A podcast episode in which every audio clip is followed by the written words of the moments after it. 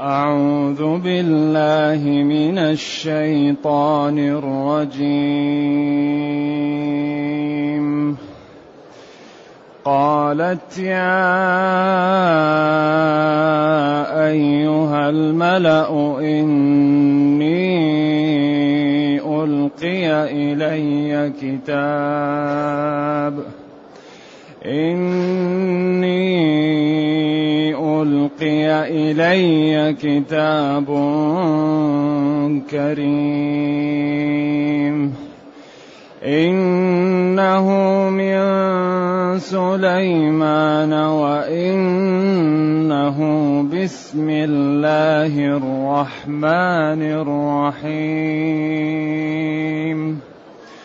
ألا تعلوا عليه. ألا تعلوا علي وأتوني مسلمين. قالت يا أيها الملأ أفتوني في أمري. ما كنت قاطعة أمرا حتى تشهدون. قالوا نحن أولو قوة وأولو بأس شديد. والأمر إليك فانظري ماذا تأمرين. قالت إن الملوك إذا دخلوا قرية قالت إن الملوك إذا دخلوا قرية أفسدوها أفسدوها وجعلوا أعزة أهلها أذلة. وجعلوا أعزة أهلها أذلة وكذلك يفعلون. وإني مرسلة إليهم بهدية. فناظرة بما يرجع المرسلون. فلما جاء سليمان قال أتمدونني ب قال أتمدونني بمال؟ فما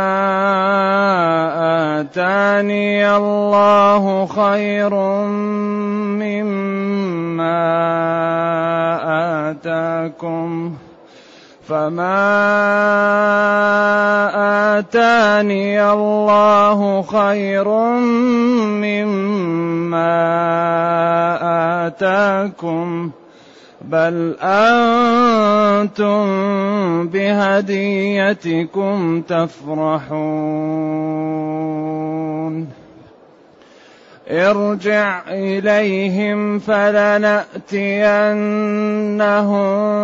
بجنود لا قبل لهم بها ولنخرجنهم منها أذلة وهم صاغرون. قال يا أيها الملأ أيكم يأتيني بعرشها. أيكم يأتيني بعرشها قبل أن يأتوني مسلمين؟ قال عفريت من الجن أنا آتيك به قبل أن تقوم من مقامك. قبل أن تقوم من مقامك وإني عليه لقوي أمين. قال الذي عنده علم من الكتاب أنا آتيك به قبل أن يرتد إليك طرفك. فلما رآه مستقرا عنده قال هذا من فضل ربي. قال هذا من فضل ربي ليبلوني أأشكر أم أكفر؟ ليبلوني أأشكر أم أكفر ومن شكر فإنما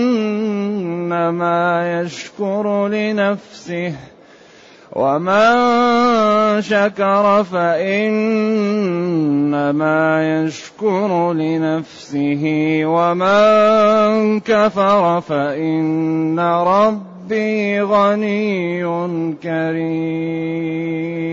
غني كريم. ومن كفر فإن ربي غني كريم.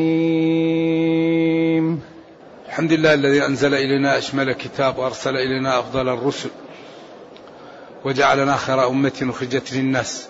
فله الحمد وله الشكر على هذه النعم العظيمة والآلاء الجسيمة. والصلاة والسلام على خير خلق الله وعلى آله وأصحابه ومن اهتدى بهداه. ما بعد فإن الله تعالى لما أرسل الهدهد بالرسالة إلى بلقيس وحطها عندها واستمع لقولها فهي قالت لقومها إني ألقي إلي كتاب كريم. طبعا إني تقصد انفسها بالقسم ألقي يعني أوتي إلي وأعطي إلي. وجاءني كتاب كريم. وقلنا إنهم فهمت كرم الكتاب لمقصوده. وفهمت كرم صاحبه لمقصود الكتاب. نعم. قالت ألقي إلي كتاب كريم من شخص عظيم. وهذا الكتاب من سليمان. ومكتوب فيه بسم الله الرحمن الرحيم. ألا تعلوا علي وأتوني مسلمين. بسم الله الرحمن الرحيم. ألا تعلوا علي وأتوني مسلمين. ألا تتكبروا ولا تتعاظموا ولا تتجبروا علي.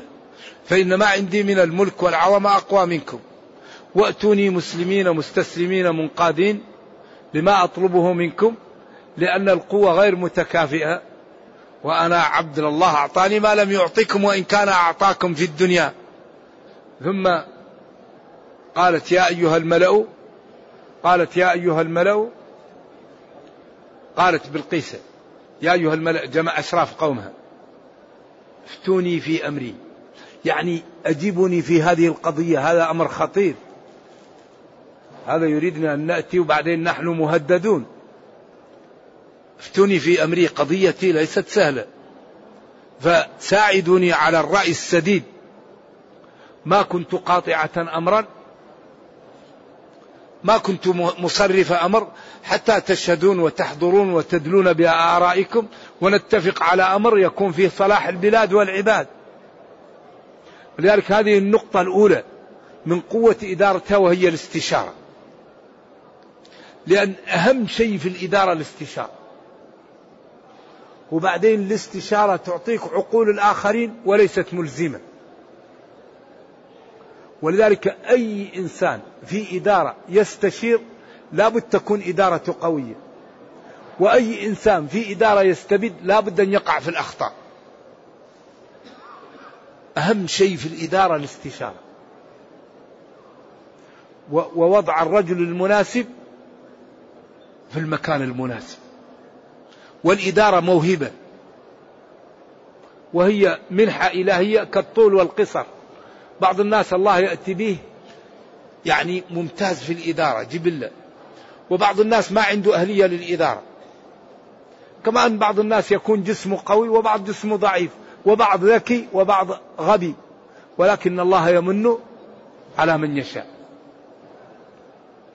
أول شيء استشارة أفتوني بينوا. وضحوا لي. يعني قولوا لي في أمري. ما كنت قاطعة أمرا ولا منفذة شيء حتى تشهدون وتوافقون ونرى رأيكم في ذلك. فقال قومها لها نحن لا غيرنا أولو قوة وأولو بأس شديد. نحن أقوياء وعندنا السلاح والعتاد والجيوش ولا أنت هي الملكة فأمري ونحن ننفذ. نحن أولو قوة. قالوا كانوا ألف قيل وكل قيل وراه مئة ألف. ألف في مئة ألف كم هذا؟ بعدين من الجيوش ومن الخيول ومن البغال ومن العتاد شيء لا يعلمه إلا الله. قال نحن أولو قوة. يعني شوكة ومنعة وأولو بأس. سلاح عندنا وعندنا دربة وخبرة وفهم. والأمر إليك. أنت تأمري ونحن ننفذ. فأمري ماذا؟ تأمريننا ونحن ننفذ. قالت لعقلها وكياستها وحنكتها قالت إن الملوك إن توكيد الملوك جمع ملك. إذا دخلوا قرية عنوة وغصبا لأهلها. إذا دخلوا قرية أفسدوها عنوة أفسدوها خربوها و يعني كسروا عمارها وضيعوا زراعتها وأفسدوا شوارعها وقلبوا أعزة أهلها. أذلة بعد أن كانوا قادة أصبحوا عبيد وأسراء. فلم يكن من الله إلا أن قال لها وكذلك يفعلون. كذلك يفعلون. الملوك إذا دخلوا قرية استعصت عليهم أفسدوها وقلبوا أعزة أهلها أذلة. نعم. قال الله وكذلك يفعلون. فهذه المرأة كانت عجيبة بالإدارة. ولكن قبل أن نذهب إليهم وقبل أن نضحي بالأنفس وبالأموال خلينا نختبر هل هم أهل دنيا أو أهل دين؟ هل هؤلاء ملوك دنيا أو هؤلاء أصحاب دين وعبادة؟ وكذلك يظهر بإرسالنا لهم بالأموال والهدايا. فإنهم إن كانوا أهل الدنيا سيفرحون ويسكتون وإذا كانوا أهل دين لا يقبلون. وإني مرسلة إليهم بهدية. فناظرة بما يرجع المرسلون. ناظرة يعني أول شيء نرسلهم أموال. قالوا مئة وصيف وكل وصيفة يعني غلمان وفتيات والذهب والفضة والشيء لا يعلمه إلا الله. ولبست الفتيات لباس الفتيان والفتيان وغيرت الأمر وأتت في شكل عجيب. ولذلك الإسلام هذه المرأة لقوة إدارتها الإسلام جعل جزء من مال المسلمين العام لتأليف الناس. قال والمؤلفة جزء ثمن ثمن دخل المسلمين لتأليف الناس للإسلام. واحد إيمانه ضعيف واحد كافر جبار نعطيه حتى يترك الإسلام يمشي ولا يقف في وجهه. ذلك الإسلام دين في غاية من الفهم ولذلك جعل الله جزء يعني الفقير إذا لم يعطى ماذا يفعل. إذا كان الغني ما يعطي الفقير ماذا يفعل الفقير. يمكن يذبح الغني. قلبه قلبه يأكل ما عنده فلوس وهذا غني. لذلك الله قال للفقير لازم تعطي ليش؟ قال للغني لازم تعطي الفقير حتى يخف ما في قلبه وحتى تأمن منه وحتى لا يكرهك. عجيب الإسلام. لذلك هذه الزكاة فيها من الفوائد تكافل اجتماعي. لو لم يكن في زكاة الفقراء ما لا يحصل لهم. لو أعطى الأغنياء الزكاة ما بقي فقير. لأن الله مقسم الأرزاق. لو الأغنياء يعطوا الزكاة اللي عليهم ما يبقى فقير في البلد. لكن الزكاة تطليعها صعب على النفوس. لأن فيه الأجر وفيه طهارة المال وطهارة النفس. فالشيطان يقف بين الأغنياء وبين الزكاة إلا إلا من وفق الله منهم. يعطي الزكاة ويعطي زيادة على الزكاة. يعطي من ماله عطاء من لا يخشى الفقر. لكن هؤلاء ناس إيش؟ قلة.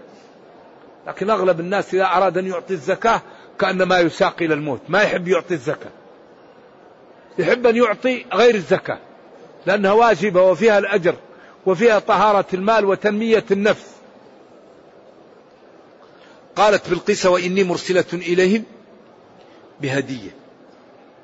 أخذت غلمان وذهب وفضة وأشياء كثيرة. فناظرة بما يرجع المرسلون. فلما جاء سليمان الرسل وما عندهم. ورأى هذا. قال أتمدونني بمال؟ أتعطونني وتقونني بالمال؟ فما آتاني الله خير مما آتاكم. الذي عندي من المال ومن النعم ومن الكرامة ومن الفضل أكثر مما أعطاكم الله.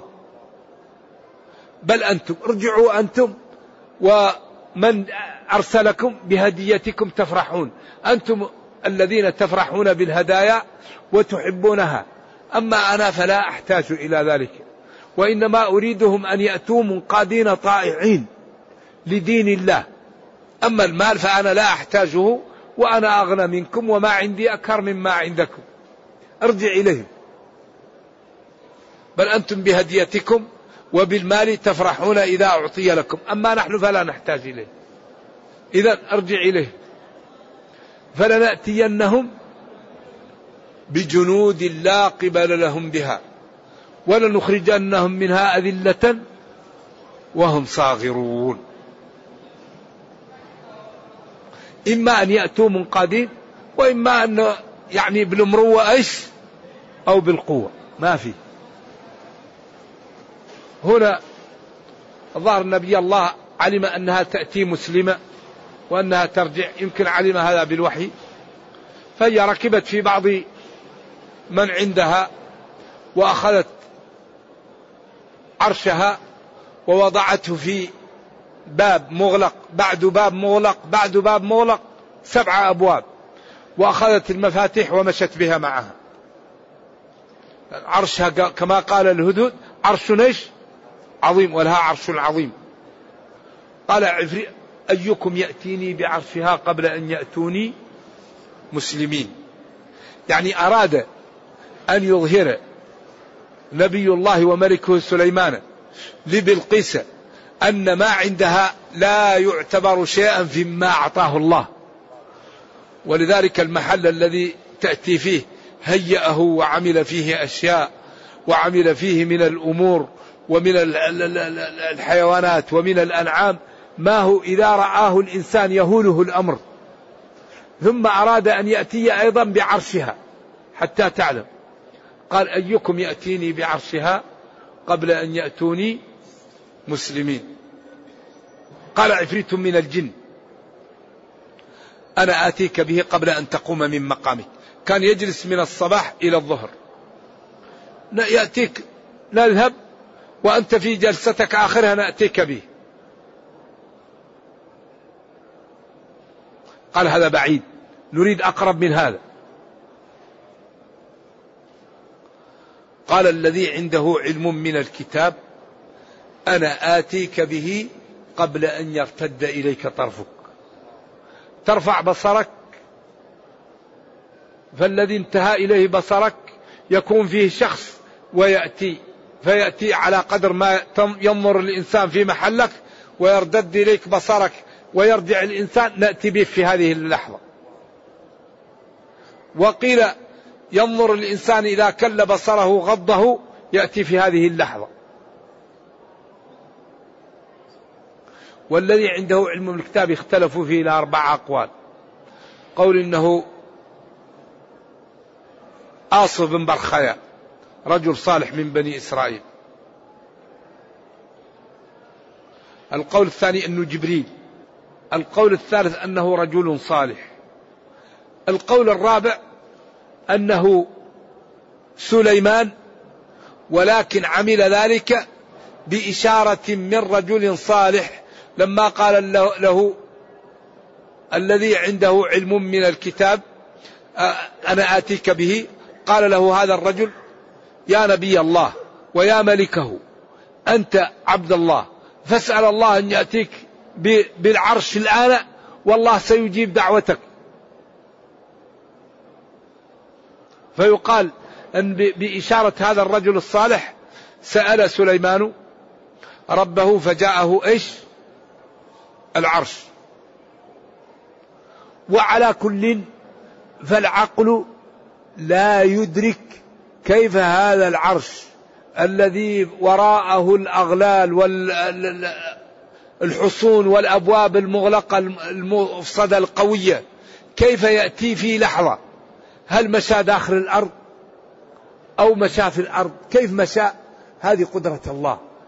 لا يمكن تدركها العقول. هذا فوق العقل هذا. قالوا هذا قال يا إلهنا وإله جميع الخلق أتي بعرشها. والثاني قال اللهم أتي بالعرش. يعني اسم الله الأعظم مختلف فيه ما هو. كان هذا يعرف اسم الله الأعظم فدعا فجاء العرش في في في لحظته. كيف جاء؟ هذا لا تدركه العقول. قالوا مشى في الأرض. هذه السرعة يعني شهرين في لحظة. كان من الشام إلى إلى إيش؟ إلى اليمن. مسافة شهرين على. فلما رآه موسى لما رأى موسى العرش مستقرا عنده فلما رأى سليمان العرش مستقرا عنده قال هذا من فضل ربي. قال هذا من فضل ربي ومن نعمته علي ليبلوني يختبرني أشكر هذه النعم وأزداد في الطاعة أم أكفر هذه النعمة؟ ومن شكر فإنما يشكر لنفسه. ومن كفر فإن ربي غني كريم عن خلقه. وكما قلنا في هذه القصة بيان صدق النبي صلى الله عليه وسلم وأنه مرسل من عند الله. وفيها تثبيت للنبي وفيها أيضا أدلة على أن الله ناصره كما نصر الرسل السابقة وفيه تثبيت له صلوات الله وسلامه عليه. نرجو الله جل وعلا أن يرينا الحق حقا ويرزقنا اتباعه وأن يرينا الباطل باطلا ويرزقنا اجتنابه وأن لا يجعل الأمر ملتبسا علينا فنضل. اللهم ربنا آتنا في الدنيا حسنة وفي الآخرة حسنة وقنا عذاب النار. سبحان ربك رب العزة عما يصفون وسلام على المرسلين والحمد لله رب العالمين والسلام عليكم ورحمة الله وبركاته.